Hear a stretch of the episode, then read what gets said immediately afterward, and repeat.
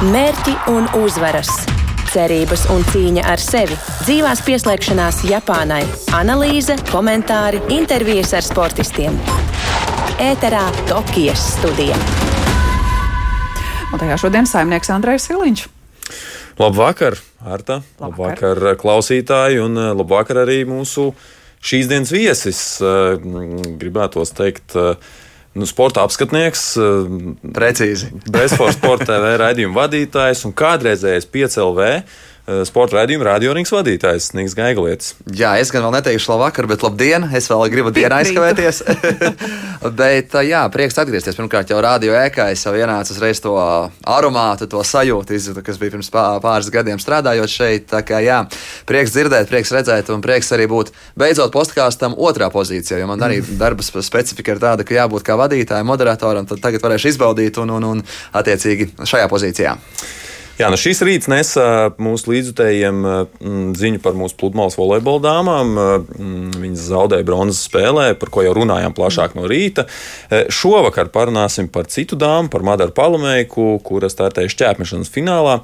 Un noklausīsimies arī mūsu soļotāju komentārus no rīta aizdīti, pēc no rīta aizdītajām sacensībām. Nu, noteikti parunāsimies arī ar ar studijas viesu Niku Gaigalietu par gan mūsu sportistu veikumu, gan olimpiskajām spēlēm kā tādām.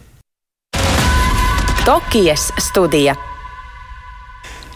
Madara Palamēja, kas šodien nedaudz pēc, pusdienu, eh, nedaudz pēc pusdienas eh, devās cīņā Japānas Nacionālā stadiona šķērpmešanas sektorā. Eh, nu, pasaules rangā Madara ieņem 21. vietu šajā brīdī, un, eh, un viņš šīs sezonas labākais rezultāts eh, bija zemākais starp visām fināla 12 dalībniecēm. Un, nu, tas lika izteikt tādas piesardzīgas prognozes par, par to, kā varētu veikties finālā. Un to arī apliecināja Latvijas radio ziņdienas Twitter prognožu aptauja, kur lielākā daļa, 53%, atbildēja, ka medaļa nebūs. Uh, Bet uh, pietiekami liela daļa, gan arī uh, pat vairāk nekā piektā daļa, prognozēja, ka, lai arī nebūs medaļa, būs jauns Latvijas rekords. Uh, tā kā optimisms tik un tā valdīja mūsu, mm, mūsu Twitter lietotāju vidū. Nu, beigu beigās ne medaļa, ne Latvijas rekords, un, diemžēl, ne pat astoņnieks. Labākajā mēģinājumā Madara šķēpa raidīja 58 metrus un 70 centimetrus tālu. Sacensības noslēdzā jau pēc pirmajiem trīs mēģinājumiem, pie, pie vēl trim nemaz netiekot, un, un beigos, beigās eh, priekšpēdējā 11. vieta finālā. Nu, un ierastā Latvijas eh, radio pēcpusdienas balss tāls eipurs eh, nu jau šķiet pat trešo nedēļu cītīgi seko mūsu sportistu gaitām Tokijā, un ir jau ierasta Tokijas balss, un šodien bija klāta arī dāmu šķēpmešanas finālā. Labvakar, tāli! Labvakar, un labu nakti šeit Tokijā jau īsi pirms pusnakts. Jā, nu, tu biji klāt tātad šķērpmešanas sektoram stadionā. Kā izskatījās? Bija Madara iekšā kaut ko vairāk arī šodien sasniegt, vai tas, tas rezultāts, tas sasniegtais tomēr ir tāds objektīvs nu, šī brīža varējuma atspoguļojums? Nu, objektīvāk jau nevar kā tas tā, tajā, kas ir tablo. Tas jau ir tas kritērijs beigu beigās tomēr, bet uh, sāk izskatīties vienbrīd tā, un arī Madara pati nemaz tam īsti neiebilda, tad, kad es viņai pēc uh, finišēšanas apvaicājos, ka, nu, ar katru metienu jutusies labāk, un, un tā arī izskatījās, uh, nu, tīri tā psiholoģiski skatoties, un, un, un pēc otrā metiena tāds nopietnas pārdomu brīdis, un uz trešo metienu tādu tā kā jau, nu, smaidiņu, tā to varētu nosaukt, vai nu, kaut kādu tādu pozitīvu sejas izteiksmi izdevās ieraudzīt arī. Nu, un, un, varēja, varēja saprast, ka viņa cenšas noskaņoties, vēl saņemties tam pēdējiem metienam, un, nu, jāsaka tā, progress bija.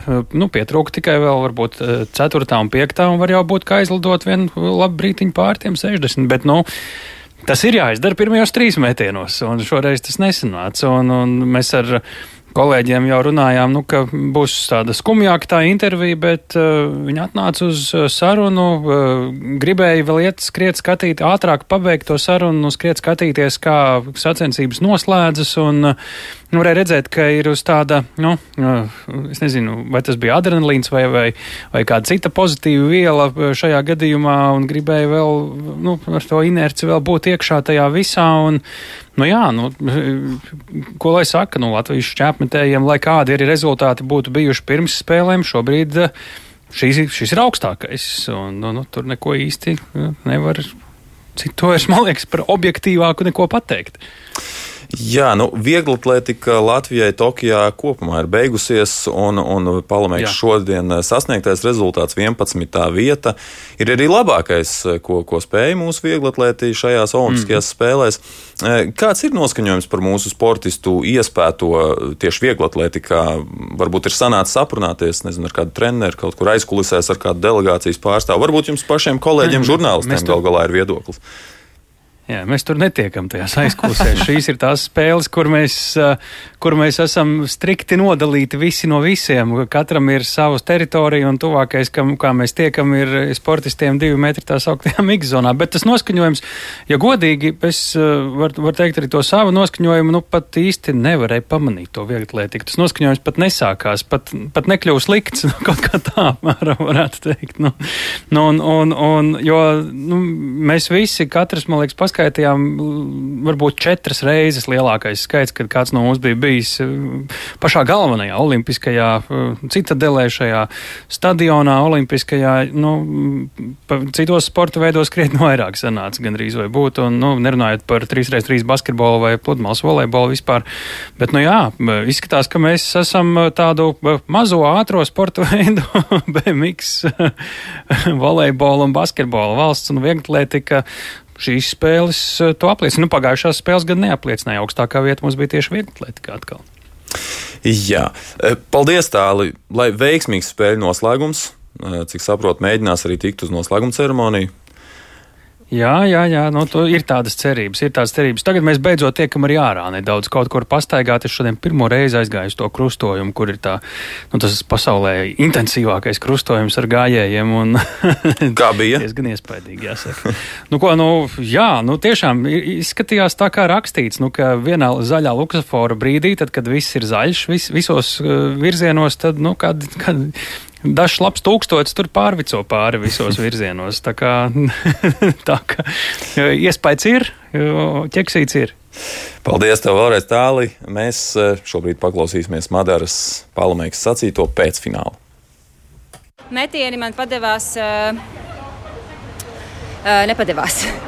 Pareizāk sakot, un, uh, man mazliet traucēja veselība. Man bija mazliet slikta duša pašai, un uh, man jostas uh, vajag uh, mešanā. Tad es uh, sev radīju tādu sajūtu, ka es jūtos slikti. Un man ar to bija jāsadzīvo. Es mēģināju, cik vien varēju, atbrīvoties, bet uh, man nebija tā labākā sajūta fiziski, tīri uh, savā ekipējumā. Tas bija tā dīvaini. Vienkārši man dažreiz ir tā no jostām pašai. Vienkārši tas ir vēders sažņaudzās un uh, šādā mazliet uzbudinātā situācijā tas rada tādas varbūt sajūtas. Jā. Jā, jūs izdarījāt tieši to pašu, ko pirmajā, un tas bija tāds tīri uh, nevajadzīga kļūda. Un es, uh, protams, es uh, nebija tā, ka es nesaprotu, ko es daru. Es vienkārši sāku domāt un analizēt, un, kā to neizdarīt atkal, jo trešajā es to nepieļautu, ja es tā atkal izdarītu. Un, uh, es mazliet uzlaboju trešo metienu, bet es viņā neieliku jaudu no kājām, uz ko mēs ļoti strādājām šogad. Man tāds man tāds pārdzīvojums, ka man tas neizdevās apliecināt, jo es tiešām biju ļoti, ļoti labi sagatavojusies. Man tiešām bija prieks šeit uh, startēt. Man tiešām bija tāds, nu, man bija tas viss, kas vajadzēja būt, bet uh, mazliet, mazliet nu, ķībeles. Nu, par tām ķibelēm un kopumā, lai atskatītos uz uh, Madaras palamēkus un arī pārējo šķēpmetēju sniegumu, esam sazvanījušies ar šķēpmetēju, ar ko gan citu, ar Patriku Gailumu, kurš šo sezonu izcīnījis uzvaras pat trijās starptautiskās sacensībās, bet no Olimpiskās spēles šoreiz vēl skatījās no mājām. Labvakar, Patrika! Labs vakars. Nu, kā tu redzēji šo finālu Madaras izpildījumā, kas pietrūka, lai aizķertos kaut vai tajā pirmajā astoņniekā? Uh, nu, metri, metri, protams, ir tie, kas uh, kas izsaka to, vai tu esi fināla astotniekā, vai tu esi vispār finālā, un vai tu vispār aizbrauc uz, uh, uz olimpiādu. Mūsu sporta veidā to, to tā galvenā mēraukla ir metri, un uh, līdz ar ko nu, tāds diezgan demokrātisks veids, kā pateikt, cik labs tu esi tajā brīdī, kad, kad notiek sacensības. Nu, tā ir teiksim, tehniski skatoties ar savu profesionāļu aci, redzēja kādu lietu, ko, kas varbūt Madarē neizdevās, vai varbūt, kas tieši varbūt izdevās labi. Un... Uh, jau Madara pat arī nu pat minēja intervijā. Tad uh, man tiešām patika jau, uh, jau skatoties šos fināla metienus, gan arī pirms Olimpijas nometnē, kurā mēs bijām. Uh, tā dinamika kājās, manuprāt, ir uh, vislabākā, kāda šosezon ir bijusi. Un, nu, sezonas labākais rezultāts kvalifikācijā to arī apliecināja. Uh, par, par kaut kādiem tehniskiem knifiem un uh, misēkļiem, nu, tur droši vien būs jājautā trenerim.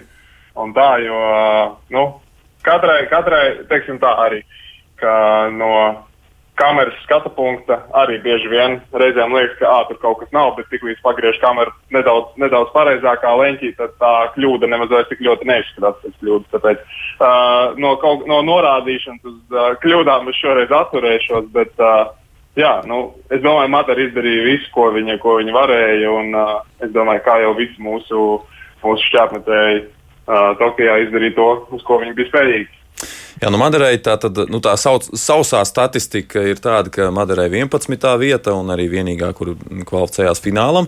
Eh, Anetei Kociņai 21. vieta, Līnai Mūzē 26. un starp vīriem eh, Gatim Čakšam 18. vieta. Nu, neviens no, tātad ne Aneta, ne Līna, ne Gatis neiekļuva finālos. Kā kopumā mēs varam vērtēt mūsu Latvijas šķērsmetējas sniegumu šajās Olimpiskajās spēlēs? Ar cerībām uz, uh, uz labākiem rezultātiem. Noteikti. Uh, galu galā diviem, diviem no četriem šāpatējiem šī bija pirmā olimpiāda. Līdz ar to nu, uh, tie nav briesmīgi rezultāti, nav arī izcili. Uh, Es nezinu, vai, protams, ir žēl, ka varbūt nu, neiekļuvu finālā, ne, neparādīja sezonas labākos rezultātus, bet Uh, nevienā mirklī es nešaubījos par to, ka šie sportisti ir centušies no, no cik vien viņi varēja un uh, mēģināja izdarīt to, ko spēja. Ja tas ir tas, kādā, teiksim, negluži uzmanība, bet nu, tā, kāda ir tā situācija šobrīd uh, ar, ar mums, jā, ar mūsu šāpatēju kopienu, tad tā nu, tas ir. Nu, tas ir. Tas ir pavisam objektīvs rādītājs uh, sacensības. Tā kā tā. Jā, nu, Latvijā ir senas tradīcijas šķērmešanā, un tāpēc uz mūsu šķērmetējiem vienmēr tiek liktas lielas cerības. Eh, eh, nu, tu pats esi šķērmetējs, kā tu pats, tu pats jūti, teiksim, startējot, ka ir tāds papildus spiediens šī iemesla dēļ? Protams. Pirmais nāk, eh, nāk atmiņā 17. gads, kad, kad uz Eiropas U20 čempionātu devos kā sezonas līderis pasaulē. Un, tad tu domā, bāz, sevi tas zilais numurs uh, kas apzīmē to, ka tu esi labākā rezultāta īpašnieks. Un tu saproti, ka citiem tāda nav. Un tev ir, tev ir, nu, tev ir diezgan liels kurpes, kuras, uh, kuras jāizpild. Un, uh, nu, ir tā, ir tā. Bet tas ir pilnībā kā, kā kurš sportists to skatās. Vienam ir viena alga, viens. Uh, viens to uztver kā pagodinājumu. Es to arī uztveru kā pagodinājumu, bet es to savā, savā ziņā mirklī es, es jūtu to kā ok tas nozīmē kaut ko, un tagad man ir jāmēģina vēlreiz to parādīt. Tas, tas, protams, uzliek kaut kādu, kaut kādu psiholoģisko, nezinu, to par spriedzi vai par papildus domu, par ko iepriekš tu varbūt. Eh, jā, gan, eh, gan Līna eh, Mūza, gan Gatis Čakšs pēc kvalifikācijas būtībā nu, savos komentāros pauda tādu kā neizpratni, jo it kā viss bija kārtībā, pirms starta jutušies ļoti labi un, un, un metieni neizdevās tik un tā. Tev arī tā ir bijis, varbūt tas tā vienkārši gadās, un tur nav jāmeklē kaut kādi dziļāki skaidrojumi. Ir dažādi. Atkal, uh, nu, ir grūti pateikt, piemēram, par šo reizi, bet uh, daudz kas mainās ne tikai šķērpmešanā, bet arī pārējos vieglietīgas veidos, sevišķi tehniskajos. Ir šī starpība starp piesildīšanos, piesildīšanās laukumu, kas ir kopā ar treneri. Un tad ir tas maģiskais mirklis, kas notiek pa vidu. Ir pirmais skolrūms, jeb ja pulcēšanās vieta no. Nu, parasti es pieņemu, ka arī šajās sazinātībās tā bija. Un, uh, tur pa vidu ir šī kolosālā maģija, ka jūs uh, ar, ar kolēģiem, ar konkurentiem sēžat viens otram pretī, uh, tādā jaukā, tuvā aplītī, un tu, tu jūti, kā viņš, kā viņš, kā viņš briest un kā tu briest. Un, un tas gaiss ir visai elektrisks tajā visā pasākumā. Un, uh, Un, un, un, un, un, uh, jā, tur, tur mēdz mainīties emocijas. Uh, gan uz labo, gan uz slikto pusi. Uh, tā, kā, tā viss ir tāda viena liela uh, psiholoģiski emocionāla spēle, sauksim to tā. Uh, vienkārši jā, mēs ar katriem mačiem uh, mācāmies to spēli spēlēt. Uh, vienā reizē mēs vinnējam, nākamajā, nākamajā kāds vinnēs. Tā kā tā. Labi, nu, cerēsim, ka biežāk vinēsim, uzvarēsim šo spēli. Eh, paldies, tev, Patrik, par dalīšanos ar savu ekspertu redzējumu un, eh, un komentāru. Un lai veicas arī turpmākajos startos tev pašam, un kas zina, varbūt redzēsim tevi pēc trim gadiem Parīzē. Ļoti ceru, ļoti ceru. Paldies jums! Tokijas studija. Eh, Nik, ja nedaudz paturpinām, tad varam atskatīties uz mūsu vieglatlētu sniegumu Tokijā kopumā, tad nu, vēlreiz jāpiesauc šī sausā statistika, un tā ir nepielūdzama soļošanā. Mums ir Rumbaniekam 37. vietā, Smolonskis tika diskvalificēts, 800 metros līgai vēl varēja, diemžēl, savainojums, un jau pēc desmit sekundēm būtībā četrus gadus gatavošanās lielajām sacensībām beidzās. Vesarmešanā Laura Igaunē 20. vieta, Šķēpā, tātad Palamēkai 11. vieta, Kociņai 21. mūzē 26. Čakšam 18. vieta. Vai šie rezultāti, tavuprāt, atspoguļo to, kādā punktā šobrīd ir vispār visa Latvijas viegla atlētika, varbūt vispār viss Latvijas sports?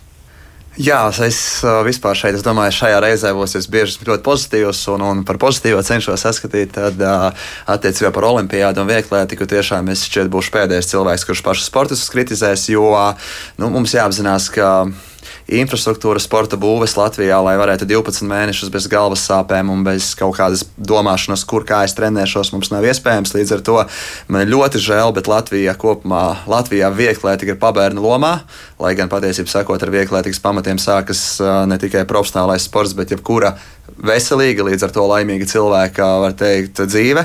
Vieglētīgai būtu jābūt Latvijā, manuprāt, vispār vienai no primārajiem, kā tādiem sporta veidiem, kur attiecīgi var nodarboties ik viens bērns, ik viens pieaugušais tautas sports. Un, līdz ar to, ja varēsim, mums būs iespēja pieejama tiešām vieglīgas stadioni cauru gadu Latvijā, kaut arī Latvijas lielākajās pilsētās, kuros varēs nodarboties ar tiešām lielāko daļu sporta veidu, tad es domāju, ka es būšu tiesīgs prasīt uh, augstākus rezultātus. Šobrīd vieglēti es kaut kādā mērā viņus abrīnoju par to, ka viņi atrod motivāciju vispār nodarboties ar sporta veidu, kas, kā jau ieskicēju, ir Latvijā, diemžēl, pabērnu lomā. Tā kā nu, rezultāti laikam atspoguļo ļoti izteikti šo uh, sailgušo problēmu, vieglētiku. Tā kā nu, es ceru, ka nākotnē tuvākajos piecos, desmit gados šī problēma tiks aktualizēta un arī Latvijā funkcionāri, politiķi sapratīs to, ka vieglietika ir visa sakne, lai mēs izaugtu par laimīgu nāciju, un arī līdz ar to pēc tam arī par augstu sasniegumu sportā varam cīnīties par augstām vietām. Nu, droši vien būtiski būtu ne tikai saprast, jo es pieļauju, ka saprast jau saprot, bet arī atrast to reālo risinājumu šai problēmai. Tieši tā. Un,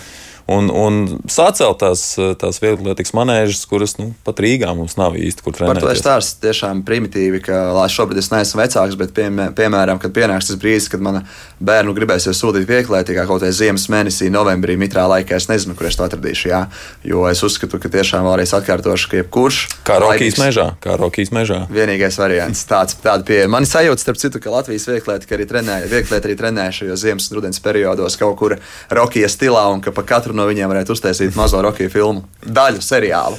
Jā, visi mūsu sportisti vēl nav beiguši savus startus, bet nu, lielākā daļa ir. Mums vēl atlicis eh, Pāvils Švecovs modernajā piecīņā. Eh, viņam eh, palikuši vēl četri starti un, un, un pludmales volejbols, protams, rītdien. Kā tu vērtēji mūsu, teiksim, līdz šim iespēto Olimpiskajās spēlēs? Es teiktu, ka rezultāti, ja mēs skatāmies pilnīgi visus sporta veidus, nu, manas expectācijas pat nebija tik augstas. Man ir uh, neiz, neteiksim, ka pārsteigums, bet ļoti pozitīvi priecē tieši abi šie pludmales volejbola pāri, kas tik, teiksim, tā arī konkurētspējīgā sporta veidā ir spējuši tikt pusfinālā. Tur arī bija šis fakts, ka Latvija ir vienīgā, vienīgā valsts, kurai bija gan sieviešu, gan vīriešu konkurencē pa pārim. Ja, un, zinot to, ka pludmales volejbols ir Amerikā, Brazīlijā, nu, tie ir sporta veidi, kam tur arī tiek daudz ieguldīts. Un Brazīlieši vēl brīnījās, ka vērienīgi. Latvijā un Norvēģijā ir pludmales volejbols četrniekā, kas viņi ziemā sniegā trenējās. Vai? Tā kā man pludmales volejbols tāds tiešām liels prieks par šiem abiem pāriem viņam, un, un ļoti arī priecē viņa tā cilvēcīgās, cilvēciskās intervijas un kā viņa pasniedz sevi. Un, manuprāt, katram latvietim, kas mēs tomēr esam tādi, kuriem patīk skaidra valoda, tieša valoda, šīs intervijas arī rada tādu, var teikt, sirds siltumu klausoties šos abus pārus un redzot šīs reālās atklātās emocijas. Nu, atklātas emocijas netrūk arī 3 pret 3 basketbolā, un, un es pieļauju, ka arī tev spilgtākais brīdis tomēr bija šī zelta izcīnīšana 3 x 3 basketbolā. Kādu sagaidīju šo brīdi?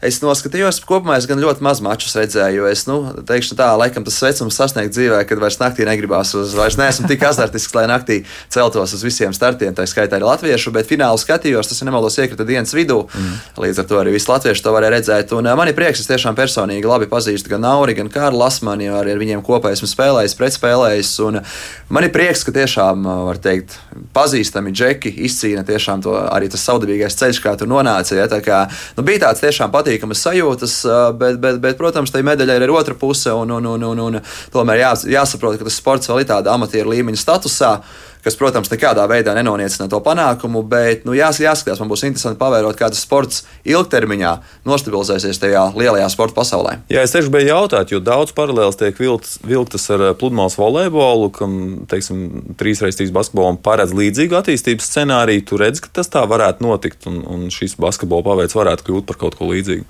Nu, e, mūsu kolēģis Edgars Buļs bija Twitterī vēl skaļāk apgalvojumi izteicis, ka 3 pret 3 basketbols apsteigs 5 pret 5 basketbolu, kur nu gan es galīgi nevēlos piekrist. Jo, nu, Arī pludmales volejbols nav apsteidzis klasisko volejbolu. Lieta, un, uh, man šobrīd ir grūti pateikt, jo nu, būsim reāli šobrīd 3 pret 3 basketbolam ir milzīgs lobbyis. Gan uz olimpiādu no FIBAS puses, gan arī FIBA kā tāda ārkārtīgi daudz finanses iegulda un mēģina tos turnīrus organizēt arī daudz eksotiskās valstīs, paņemt plašāku geogrāfiju ar šo sporta veidu. Tā kā šobrīd ir tāda mākslīgā uzpūšana.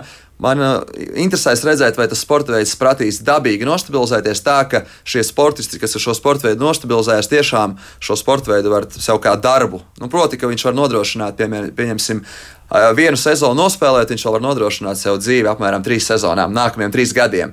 Ja tas sporta veids prasīs, lūk, apmēram izveidot sevi kā profesionālu sportu, kur tiešām sportists ir kā darbinieks, tad tas jau būs interesanti. Bet es šobrīd nu, vēl neredzu tomēr, jo nu, būsim reāli. Mēs arī esam basketbola vidē, ka tomēr šobrīd arī ar šo sporta veidu nodarbojas. Tomēr, Basketbolistikam varbūt nu, ir sarežģītāks ceļš ejams 5-5 basketbolā. Ja, līdz ar to, nu, manuprāt, šim sporta veidam būs tā dabīgi visai sarežģīti šo profesionālo statusu iegūt.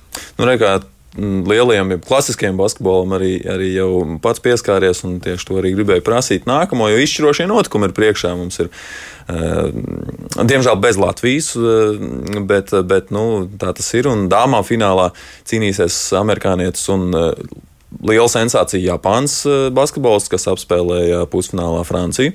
Uh, nu, kungiem zelta sadalījis ASV un, un Francija. Uh, nu, laikam jau bez tādiem lieliem pārsteigumiem vīriešu. Vīriešu konferencē. Jā, un uh, es arī tiešām 5-5 basketbola turnīrs, tas, kurā esmu redzējis 80-90% maču. Un, uh, Un jā, es tev piekritīšu, ka abas šīs izlases bija, pirmkārt, arī vecumu skatoties, abas šīs izlases vidējas pēc vidējā vecuma es savā izmantošu tādu angļu vārdu primā, proti, nu, labākajā vecumā. Pīķi, pīķi jā, jā Latvijas tas būtu labākais pīķi. vārds. Pīķi un, un, un, un, un abām komandām arī uz papīra, manuprāt, spēcīgākie sastāvi. Arī Francija, principā, tā ir tāda maza Amerika, skatoties spēlētāju uzvārdus un, un, un kur šie visi spēlētāji spēlē. Tā kā loģisks fināls, un man, diemžēl, maza intriga, teiksim tā, redzot, kā sportā parasti notiek, kad viena turnīra laikā tiekas divas komandas un uh, pie tam šajā gadījumā nefavorīti uzvarēja pirmo maču, tad man tomēr ir skepse, ka vai divreiz pratīs šī Francija tomēr uh, Amerikai iekost, bet visā citādi fināls laikam jau neteiksim, ka paredzams, bet loģisks.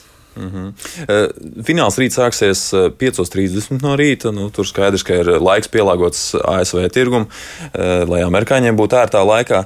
Nu, tad bronzas mačs būs pēc tam dienas laikā, divos dienā, un tur sacensties Slovenija un eh, Austrāliju. Eh, nu, Slovenijā ir šis brīnumbērns Luka Dončičs. Eh, mm, viņam izdosies aizvest Slovēņus līdz, līdz medaļai un atstāt Austrāļus vēlreiz bez medaļām lielajos formos. Zin kā, manuprāt, katram latvietim, kurš ar tomēr mēs esam maza nācija, nu kaut kādā mērā, lai kāds tas Dončis varbūt šķiet brīžiem pāri darītājs gan Slovenijā, attīstīties čempionātā Eiropas un, un arī tomēr sezonā. Daudziem gribās, lai vairāk dot piespēles vēl kaut ko, bet kopumā, manuprāt, latvieši būs par Sloveniju, jo es arī savā Facebookā publicēju tādu nedaudz emocionālu rakstu par to, ka Slovenija, manuprāt, manuprāt, ir izcils piemērs, kā tādā lielā sporta veidā maza nācija tomēr var tikt tik augstu un būt, teiksim tā, vienā fināla dienā ar Austrāliju, Ameriku, Franciju, kas ir milzīgas valstis ar milzīgām tradīcijām. Un, uh, man ir baigais priekš par Sloveniju. Patīk arī Austrālija, bet laikam šajā bronzas finālā būšu par Sloveniju. Un, uh, es ticu, ka arī nākotnē Latvija var būt tur, kur vīriešu basketbolā 5 pret 5, tur, kur ir Slovenija. Slovenija to ir pierādījusi. Divu miljonu nācija, kas arī ar vienu ir šo superbērnu. Mums arī savs super, var teikt, varonis basketbolā. Tā kā, nu, man kaut kādā mērā es to katru maču skatījos Slovenijas un vizualizēju, ka Latvija arī tur var būt un arī cīnīties par augstākajiem godalgiem. Jā, nu Latvija ir savā ziņā pārstāvēta šajās Olimpiskajās spēlēs arī basketbolā, jo Mārtiņš Kozlovskis mūsu tiesnesis tiesā un arī pusfināla spēle tieši tiesāja, eh, starp citu tieši Slovenijai. Eh, un, un, eh, nu, tas droši vien ir kārtējs apliecinājums mūsu tiesnešu spēcīgajai skolai basketbolā. Ir atlikušas divas sacensību dienas, un tad jau noslēgums. Tu arī esi starp tiem, kas pielīp pie televizora atklāšanas un noslēguma ceremonijās. Nē, es laikam esmu tas, kas tāds izlutināts fans, kam tiešām interesē tikai sportiskā daļa. Un, teiksim, tā, tas kūkas servējums man nav tik svarīgs. Man patīk kūka, kas iekšā, kā se gribās saprast, jā, un redzēt. Tā kā es atklāšanas ceremoniju neskatīšos, un, un, un galu galā arī šis Covid blakus apstākļus, ka bez skatītājiem arī nu, tā atklāšana ar tām emocijām un pār, pārpilnējām tribīnēm pilnīgi savādāk kā šobrīd, kur tomēr nu, emocijas tikai no šiem turnīra dalībniekiem un saprotu no personāla, kas piedalās līdz ar to tās sajūtas arī skatoties šī gada Olimpijāda tomēr šajās atklāšanas un noslēguma ceremonijās nav tādas kā ierastajos apstākļos. Nu, jāsaka, paldies, Niku, ka atnāci. Atkal jāsaka tas pats, ko es saku visiem viesiem. Varētu runāt vēl un vēl, bet mums šeit ir, diemžēl, paldies jāiekļaujas jums. laika rāmjos. Tāpēc paldies, ka atnāci un dalījies eh, savos novērojumos par Olimpiskajām spēlēm. Paldies! Tokijas studija. Šorīt ļoti agrā rīta stundā, pat pēc Japānas laika, savu startu sagaidīja un aizvadīja mūsu soļotāji Rumbenieks un Smolonskis. Ārnis pabeidza sacensības 37. vietā, Smolonskis tika diskvalificēts. Un tā kā sacensības norisinājās ļoti tālu, 1000 km prom no Tokijas uz ziemeļiem, eh, kur nebija Latvijas žurnālisti klāt, eh, tad eh, nu, nedaudz vēlāk abi attālinātā preses konferencē sniedz komentārus par aizvadīto startu, un tagad varam arī paklausīties abu teiktajā brīdinājumi nesekmēja rezultātu, lai es varētu tajā distances otrā pusē sev atdot visu, jo pirmā distances puse noteikti bija tāda rezervēta un vairāk doma par, par, par to otro distances pusi, kur, kur tiešām būs sevi jāatdod distancē, bet uh, soļošana ir tāds sporta veids, kur uh, nevienmēr, nevienmēr izdodas sevi realizēt pa, pa 100% tieši dēļ tehniskā izpildījuma. Tādēļ tikai pirmo pusi izdevās sevi tā optimāli ieslēgt. Olimpiskā debija priekš manīm ir kaut kas liels. Uz startu gāju ar asinām acīs par to, ka es esmu sasniedzis savu mūža mērķi. Tas bija prieka asars. Likās, ka arī fiziski varēja soļot labi, bet uh, 11 kilometros jau saņēmu pirmo, pirmo un otro brīdinājumu. Tāpēc izlēmu, ka vairāk līderu grupu nesoļošu, mēģināju nomest tempu, bet tā tempa nomešana, ja tagad tā spriež pat maksāja man vairāk nekā, ja es būtu mēģinājis turēt to līderu grupu, nometot tempu, tas temps nokrita. Tas nav vairāk mans ritms. Es tādā ritmā pat netrenējos, tik lēni, lēni soļojot, es nevienu treniņu neesmu. Diskomforts soļojums man sanāca. Iespējams, varbūt arī dēļ tā, ķermenis uh, nevarēju ieņemt savu pozīciju, un es saņēmu vairākus, vairākus aizrādījumus. Tas bija 5 minūšu noraidījums, teiksim tā, un pēc tam jau arī dislokācija. It kā likās, ka pēc piecām minūtēm diezgan žiperīgi sanāca iesoļoties, bet es saprotu, ka man pat laikam varēja nesūtīt tām piecām minūtēm, jo nosoļojot vienu kilometru mani dislocēja. Izskan Tokijas studija 2020, vēl tātad atlikušas divas sacensību dienas. Arī tajās Latvijas radio būs kopā ar jums, kā no rīta, 8 eh, pēc ziņām, tā pievakarē pussešos. Mans vārds ir Andrēs Ciliņš, paldies par kompāniju ar Niku, un eh, paldies klausītāji. Tiekamies jau nākamajās reizēs. Mērķi un uzvaras! cerības un cīņa ar sevi, dzīvās pieslēgšanās Japānai, analīze, komentāri, intervijas ar sportistiem ēterā Tokijas studija.